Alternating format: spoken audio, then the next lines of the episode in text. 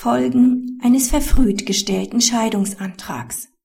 Wird der Antrag auf Scheidung verfrüht gestellt und liegen daher die Voraussetzungen einer Scheidung erst im Berufungsverfahren vor, hat der Antragsteller die Kosten des Rechtsmittels zu tragen. Gegebenenfalls sind die Stichtage für Zugewinn und Versorgungsausgleich zu modifizieren. Der Ehemann reicht am 22.05.2008 einen Scheidungsantrag beim Amtsgericht ein. Er begründet ihn mit der Trennung von seiner Ehefrau seit Mai 2007 innerhalb der ehelichen Wohnung. Die Ehefrau widerspricht dem und trägt vor, dass sie erst ab November 2007 eine Wohnung gesucht und zum 01.01.2008 aus der ehelichen Wohnung ausgezogen ist.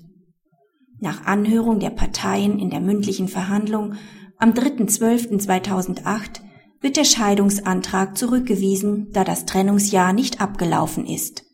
Das Oberlandesgericht gibt der Berufung des Ehemanns statt und verweist die Sache an das Amtsgericht zurück, da das Trennungsjahr inzwischen abgelaufen ist.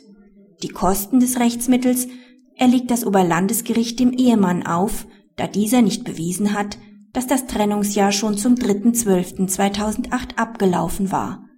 Das Amtsgericht habe außerdem zu beachten, dass nach Treu und Glauben und übergeordneten allgemeinen Rechtsgrundsätzen eine Modifizierung der Stichtage im Zugewinn und Versorgungsausgleich denkbar ist, wenn Manipulationen vorliegen.